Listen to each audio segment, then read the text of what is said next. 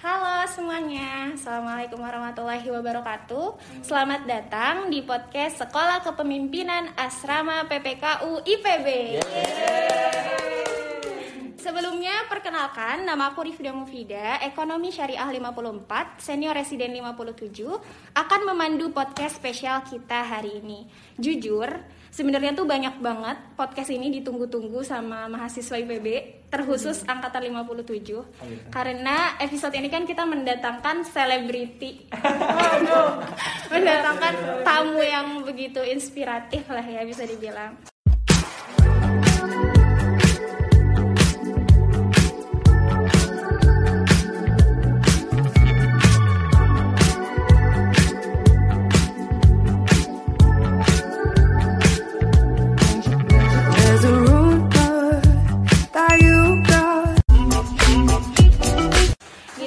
banyak banget pertanyaan-pertanyaan yang masuk di dalam kolom question box ya di dalam Instagram kita gitu jadi langsung aja kita sambut kepada Mas Azman dan Mbak Anis Halo semuanya.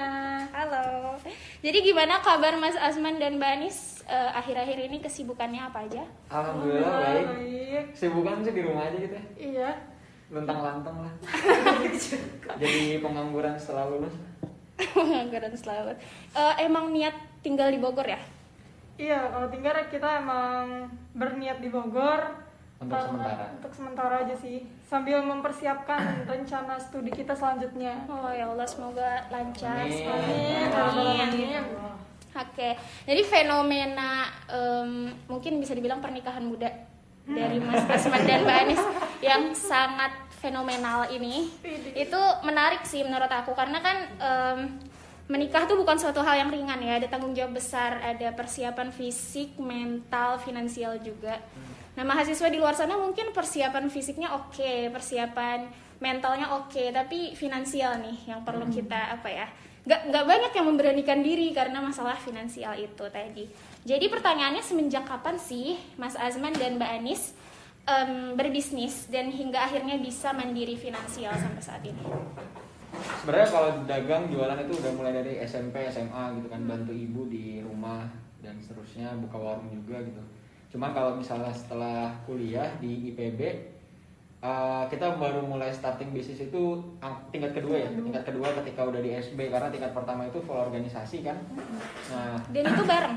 BEM bareng Di BEM kita bareng, pas tingkat 2 juga kebetulan satu tim bisnis ya kita. Ya, karena di SB kan sedikit mahasiswanya gitu kan. Hmm. Iya, Jadi ya udah itu itu aja sebenarnya ketemunya gitu. Iya starting itu tingkat kedua tapi bisnis yang dijalani itu tidak berprofit kan. Tingkat Belum. kedua, tingkat tiga, tingkat empat lah baru mulai tingkat tiga menuju tingkat empat barulah kita mulai benar-benar bisnis yang orientasinya profit. Jadi kalau misalnya tapi dibilang eh, apa namanya mandiri secara finansial juga belum banget gitu kan. Masih berusaha. masih berusaha masih terus memperbaiki karena kita juga punya targetan yang masih harus dicapai kayak gitu. Itu sih. Cuma bedanya mungkin kita setelah lulus memutuskan untuk tidak bekerja tidak melamar pekerjaan gitu. Lebih memilih untuk ya di rumah gimana caranya buat bisa dapat uang dari rumah. Jadi tidak Mandiri dan berdaya sendiri lah. Gitu. Ya. iya. Kira-kira kayak gitu. Oke, jadi eh, mau nanya mungkin terkait teknis ya. Tim bisnis kan butuh struktur ya. Hmm. Terus tips agar menemukan dan membuat tim yang kompak tuh waktu di awal-awal di tingkat dua ya berarti itu. Iya, itu gimana tuh Mas Asman atau Mbak Anis? Mangga. Kalau sebenarnya tim bisnis kan aku selalu create tim gitu kan Mm. nge-create tim dan kayaknya hampir setiap bisnis dari tingkat 2 sampai yang sekarang itu bareng Anis terus bareng Anissa gitu. Karena eh, timnya juga berubah-berubah sebenarnya cuman yang menurut ini sejauh sejauh ini itu masih bertahan untuk bisa dipegang komitmen secara profesionalnya Anissa. Meskipun kita udah jadi keluarga gitu tapi kalau misalnya udah eh, bisnis ya bisnis ya bisnis gitu profesional kayak gitu. Batasannya di kebelakangin dulu keluarga. Kalau misalnya memang harus berantem karena bisnis ya berantem karena bisnis. Tapi setelah itu ya selesai kayak gitu. Dan buat nyari bisnis struktur bisnis yang compact atau yang bagus nggak ada formula sih sebenarnya. Jadi coba-coba terus. Jadi Kalau bisa. pernah gagal juga. sering sih Sering. gagal. Oh, sering. juga gagal juga. Kita sering ketemu orang apa ya dengan dengan ketemu banyak orang kita jadi paham berbagai jenis orang kan. Nah dengan memahami berbagai jenis orang itu ya kita jadi tahu gimana cara nge-treatmentnya dan kita bisa memilah-milah kira-kira orang yang seperti apa yang cocok bekerja sama kita. Kayak gitu jadi lebih banyak mempelajari terkait dengan Iya. human development juga sih HR ilmu-ilmu HR itu penting banget kalau kita mau menemukan tim yang compact dan pas untuk bisnis kita Iya. Oh, masya Allah. Kan iya benar sih kalau menjalani bisnis tuh berarti kita menjalani peran yang banyak juga ya Hmm. ketemu konsumen, ketemu karyawan gitu. Udah punya karyawan ya berarti? Alhamdulillah bisnis yang baru-baru ini alhamdulillah banyak sih Oh iya berapa tuh? 18 18 18 orang, oh, masya Allah. Oke. Eh, pertanyaannya sikap kepemimpinan apa yang paling dominan yang harus ditunjukkan? lebih banyak melihat Azman sebagai leadernya kan Hmm. Nah, sikap kepemimpinan yang paling sering ditonjolkan sama dia itu adalah profesional dan kekeluargaannya sih, gitu. Jadi ket- ketika apa ya kekeluargaannya itu udah dapet, kita tuh enak untuk berdiskusi secara terbuka sama si leadernya ini kan. Nah, ketika udah terbuka dan enak diskusi sama leadernya, akhirnya dia juga ngerti gimana cara nge-treatment kita kan kalau leader kan kayak gitu ya harus bisa menganalisa orang-orang ini punya kemampuannya di mana dan dia harus bisa menonjolkan kemampuan timnya itu kan nah menurut aku itu sih yang sangat-sangat penting untuk ditonjolkan dari pemimpin Hmm, kadang tapi kekeluargaan dan profesional tuh seakan ditabrakan ya nggak sih? Iya itu gimana tuh cara Mas Azman mungkin untuk apa ya menyeimbangkan antara profesionalisme dan kekeluargaan? Eh, format dasarnya sih kalau misalnya selama ini aku lakuin itu yang pertama trust. Gimana cara buat dapat trust? Salah satunya adalah kalau ditarik lagi komunikasi gitu. Sekecil apa pun dari awal kita ngebangun bisnis aku selalu bilang kalau misalnya komunikasi itu di atas, di atas segalanya gitu. Komunikasi di atas administrasi komunikasi di atas apa pun. Jadi ya kalau ada pun permasalahan bisnis permasalahan personal yang menyangkut ke bisnis juga gitu gitu kan diselesaikan pakai komunikasi gitu. Karena kan kita nggak bisa bahasa hati gitu nggak bisa diselesaikan pakai bahasa hati jadi yang paling penting itu. Jadi di awal juga misalnya baru mulai bisnis gitu. Eh, Anissa nyaman bekerja itu jam berapa sampai jam berapa gitu. Basisnya ya output aja progresnya terserah gitu. Misalnya Anissa nyaman kerja malam gitu. Ya udah pagi sampai siang nggak usah dipaksa untuk bekerja. Dia punya eh, apa namanya self time atau me time-nya sendiri. Begitu juga dengan teman-teman bisnis yang lainnya. Gitu. jadi kita bisa menyesuaikan tapi kalau misalnya udah ada kesepakatan oh jam sekian harus harus kita untuk uh, kumpul meeting dan seterusnya gitu kan ya udah kita compact ataupun sama-sama sepakat buat ada di sana kayak gitu kira-kira kayak gitu sih Oke baik terbaik. Terus oh ya ini satu lagi sih hal yang menurut aku penting banget. Jadi pemuda-pemuda saat ini di luar sana itu apa ya banyak yang hebat tapi luntang-luntung karena nggak punya mentor. Nah perjalanan Mas Azman dan Mbak Anis untuk menemukan mentor yang tepat itu kayak gimana sih? Karena mengingat katanya orang sukses di luar sana pasti di belak- belakangnya pasti punya mentor kan ya. Nah mungkin ada tips dan trik untuk menemukan mentor yang tepat. kalau aku bagi dua sih mentor yang pertama mentor buat secara proses bisnisnya yang kedua eh, yang pertama ya yang kedua mentor secara psikologi bisnisnya gitu nah mentor psikologi bisnis ini sebenarnya berkaitan dengan apa Spiritual. namanya spiritual. Kayak gitu. Dan itu harus rutin dilaksanain setiap minggu gitu setiap minggu. Karena apa? Kalau misalnya nggak dijaga itu semuanya berakibat ke aktivitas. Kayak gitu. Makanya kita juga komit buat ikut setiap hari setiap minggu buat mentoring Anis punya jadwal sendiri aku juga punya jadwal sendiri gitu kan. Nah satu lagi mentor dalam proses bisnis itu eh, ini juga terbagi-bagi. Misalnya gini nggak selamanya mentor itu dalam bentuk eh, orang yang ngebimbing kita secara langsung atau secara tidak langsung bisa jadi mentor itu dalam bentuk eh, online course bisa jadi mentor itu dalam bentuk pengalaman bisa jadi mentor itu dalam bentuk partner bisnis. Jadi apa pun yang yang yang selama ini kita jalankan itu kita anggap sebagai mentor. Jadi pelajaran-pelajaran itu. Jadi sebenarnya kalau eh, di sekolah bisnis kan belajar theoretical bisnis ya materi-materi bisnis dari A sampai Z gitu kan. Pada pada kenyataannya nggak selamanya kita sesuai dengan teori itu. Jadi banyak belajar dari perjalanan pengalaman learning by journey lah gitu. Jadi nggak ada apa namanya metode yang tepat buat mencari mentor nggak ada metode yang tepat buat menjalankan bisnis. Walaupun bisnisnya sudah pernah dijalankan banyak orang sebelumnya gitu. Gitu. Jadi kita lebih belajar dari pengalaman karena struktur dan kapasitas kita juga berbeda-beda gitu kan sama orang yang sudah pernah ngejalanin. Oh misalnya orang yang sebelumnya dia kuat secara finansial, kita secara marketingnya kuat gitu kan. Beda nanti hasilnya gitu. Jadi uh, lebih mempelajari dari banyak sisi. Mentor tuh semua orang mentor, semua hal dijadikan pelajaran. Hmm, gitu. Oke, berarti mm, mungkin aku termasuk yang khawatir ya khawatir sama diri aku sendiri karena nggak punya mentor sampai saat ini gitu jadi ternyata pemuda-pemuda di luar sana mentor itu nggak selamanya berbentuk orang ya tadi bisa oke baik baik sedikit tergambar banyak cari referensi dan banyak cari sumber belajar aja sih Iya. itu semua bisa Kalau Anissa tipikal dia yang cari kompetitor. Anis itu tipikal kalau aku lihat Anissa tipikal orang yang cari kompetitor. Jadi misalnya kita lagi starting bisnis jam, kita kan punya bisnis jam juga gitu. Nah, eh, Anis tuh tipikal buat cari siapa aja role apa namanya kompetitor-kompetitor dia yang dalam menjala- yang jual jam juga gitu kan. Dan itu dijadiin mentor. Oh, dia punya strategi ini gitu kan. Kenapa dia ngeluarin strategi ini? punya Kita acuan pelajarin gitu. enggak- iya Jadi Kita jadi kompetitor acuan. dijadikan mentor juga. Hmm, Kira-kira kayak gitu. Oke bahkan kompetitor bisa dijadikan mentor Hmm, tipikal Anis tuh.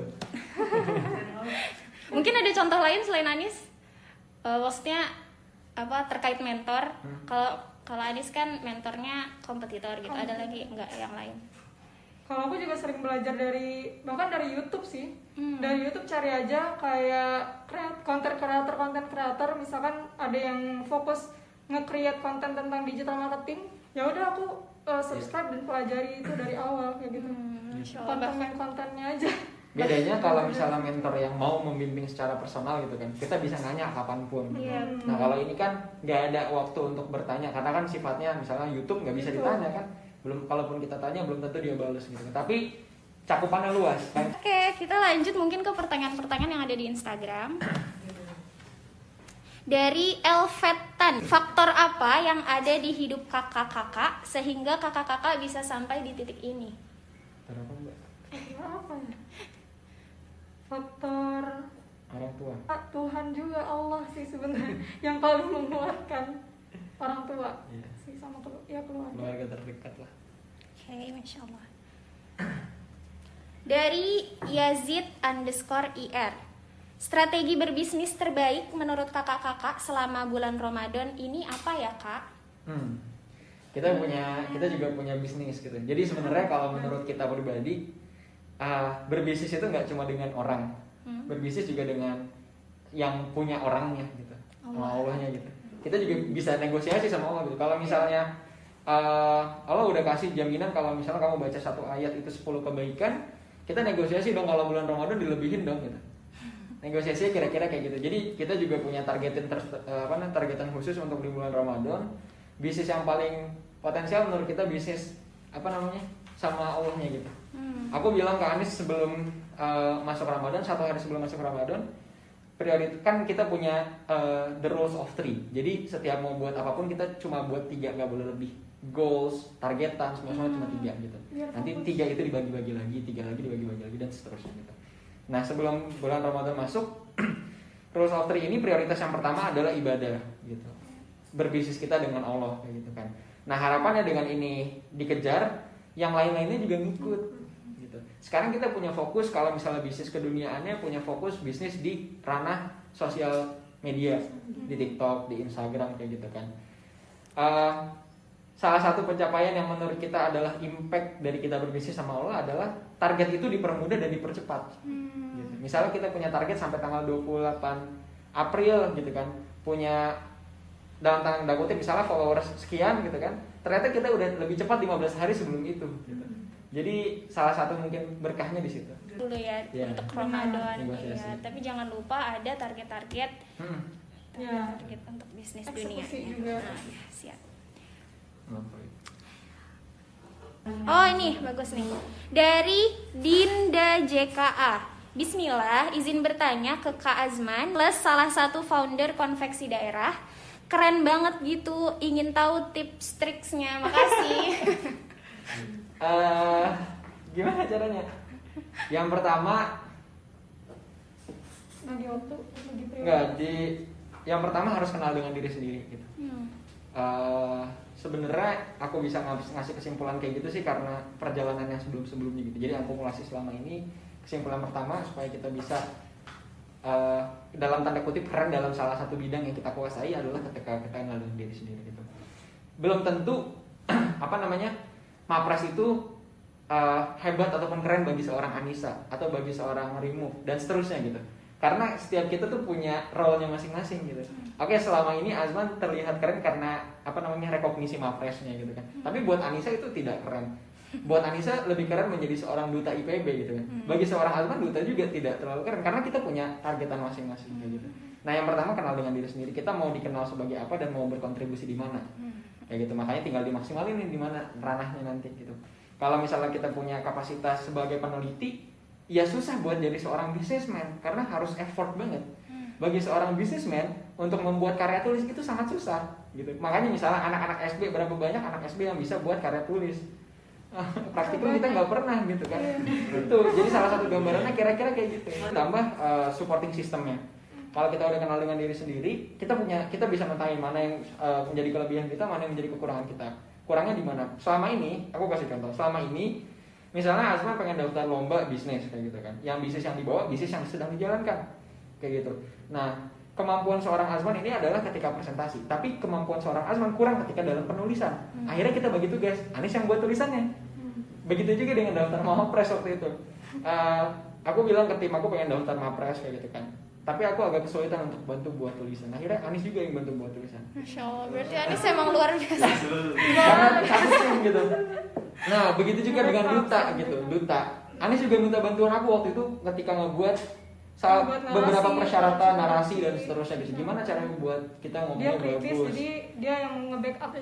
Gitu. Jadi kita butuh supporting system. Nggak mesti eh, apa namanya? Mesti kita menguasai segalanya sih. Satu itu sama nggak mesti eh, orang-orang yang terlihat oke gitu tapi orang yang kenal baik dengan kita gitu. Karena ada beberapa orang yang kenal baik dengan aku jadi aku minta ke mereka buat bantu atau aku bantu mereka untuk achieve goals yang mereka targetin.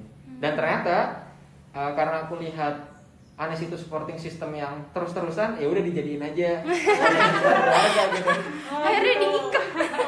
jadi diikat ya. Kira-kira kayak gitu Tapi emang berarti bener-bener bukan one man standing ya? Eh, Enggak, standing, standing. Tapi yang orang lihat kan, oh Azmannya gitu. Iya, tapi mereka nggak lihat who is man or woman behind the gun gitu. Hmm. Aku gunnya tapi nggak lihat, oh ternyata ada Anissa, oh ternyata ada tim-tim. gitu. Sekarang kita lihat kok. aduh Sekarang terlihat ya. Oh, Masya Allah, Masya Allah, tepuk tangan dulu dong. Oke, pertanyaan selanjutnya nggak apa-apa ya? Nggak apa-apa. Oke, dari Zulkif underscore N. Gimana sih struggle yang kakak hadapin, kakak-kakak hadapin, hingga sampai di posisi sekarang, serta cara kakak mengatasi mungkin hambatan dalam hidup itu tersebut apa?